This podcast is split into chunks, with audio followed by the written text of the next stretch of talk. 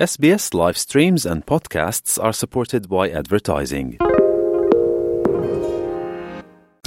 آموختن انگلیسی می تواند زندگی شما را تغییر دهد. شما می توانید با برنامه انگلیسی بیاموزید SBS همزمان با تقویت انگلیسی خود با فرهنگ استرالیایی آشنا شوید. این برنامه را در پودکاست اپ دلخواه خود بشنوید.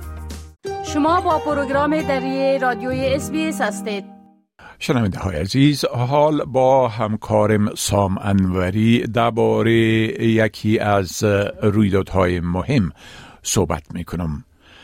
آقای انوری سلام عرض می کنم خب گفتم میشه که موارد ابتلا به کووید 19 در استرالیا در حال افزایش است. بله؟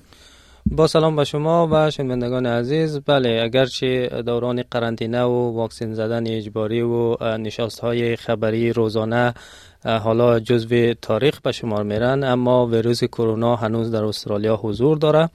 و حضور فعال هم داره. شمار موارد ابتلا به این ویروس در تمام ایالت ها و قلمروهای استرالیا افزایش یافته و کارشناسان میگن که کشور در حال ورود به موج جدیدی از عفونت کووید 19 است که موج هشتمی کرونا در استرالیا میشه. به گفته وزارت صحت و مراقبت از سالمندان شاخص های نظارتی نشان میتن که سرعت پخش کووید 19 از اواسط ماه آگوست تا اواخر ماه آگوست به تدریج افزایش یافته. در هفته منتهی به 24 اکتبر 6550 مورد ابتلای کووید 19 در سراسر استرالیا به ثبت رسیده بودند که به طور متوسط روزانه 936 مورد میشه. این بیانگر افزایش 23.6 درصدی مبتلایان کووید 19 در سطح کشور است.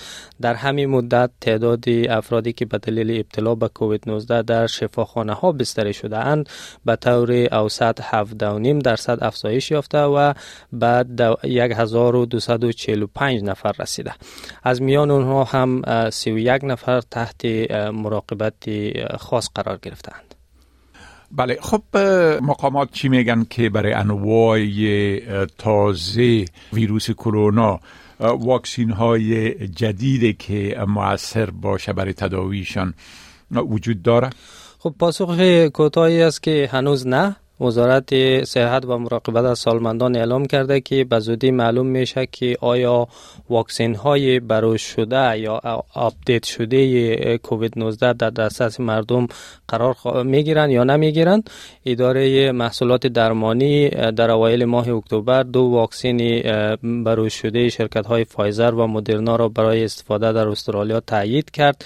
این واکسین های جدید مخصوص گونه XBB هستند که زیر شاخه ای از گونه اومیکرون است و قابلیت انتقال بسیار بالایی دارد سازمان غذا و داروی آمریکا یا FDA در اوایل ماه سپتامبر واکسن های جدید را تایید کرد و آنها اکنون در ایالات متحده در دسترس هستند. همچنین اتحادیه اروپا و بریتانیا نیز در همو زمان مجوز استفاده از این واکسن ها را صادر کردند. اما وزارت صحت در استرالیا میگه که تایید اداره محصولات درمانی تنها یکی از مراحل است و گروه مشاوره فنی استرالیا در امور امینسازی یا اتاگی باید بررسی های بیشتری در مورد آنها انجام بده.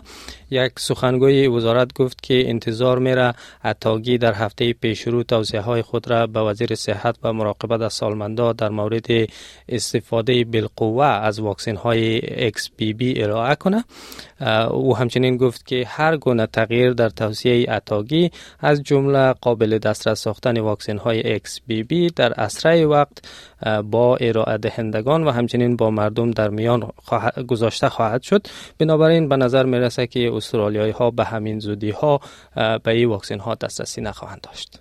بله خب ماجرای شیوع کووید 19 در یک کشتی تفریحی به کجا رسیده؟ و گفتم میشه که در این کشتی همچنان بیماری اسهال شیوع کرده. بله.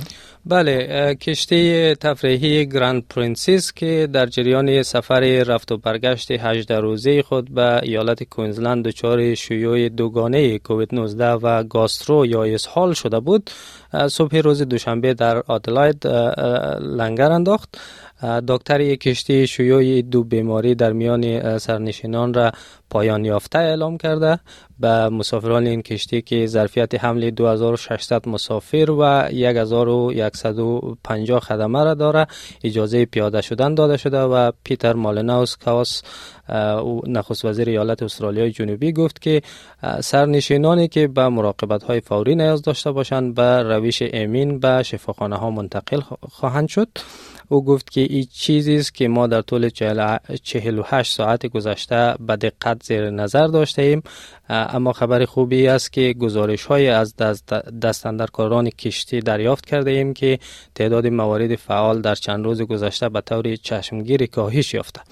او همچنین گفت که تنها 0.6 درصد سرنشینان کشتی مبتلا به اسهال هستند و میزان ابتلا به کووید 19 در بین آنها نیز با میزان ابتلا در جامعه همسان است. آقای مالناسکاس همچنین گفت که در جریان این سفر افرادی که آزمایش کووید 19 اونها مثبت بوده اجازه نداشتند که در سفرهای گروهی ساحلی شرکت کنند و مطابق پروتکل های حکومت فدرال در کشتی باقی ماندند. بله خب بسیار تشکر آقای انوری از این معلوماتتان. و فعلا شما را به خدا می سپارم روزتان خوش تشکر از شما وقت خوش بپسندید شریک سازید و نظر دهید اسپیس دری را در فیسبوک تعقیب کنید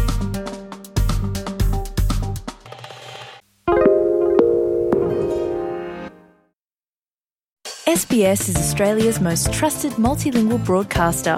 Our listeners are loyal, highly engaged, and have supported countless local businesses.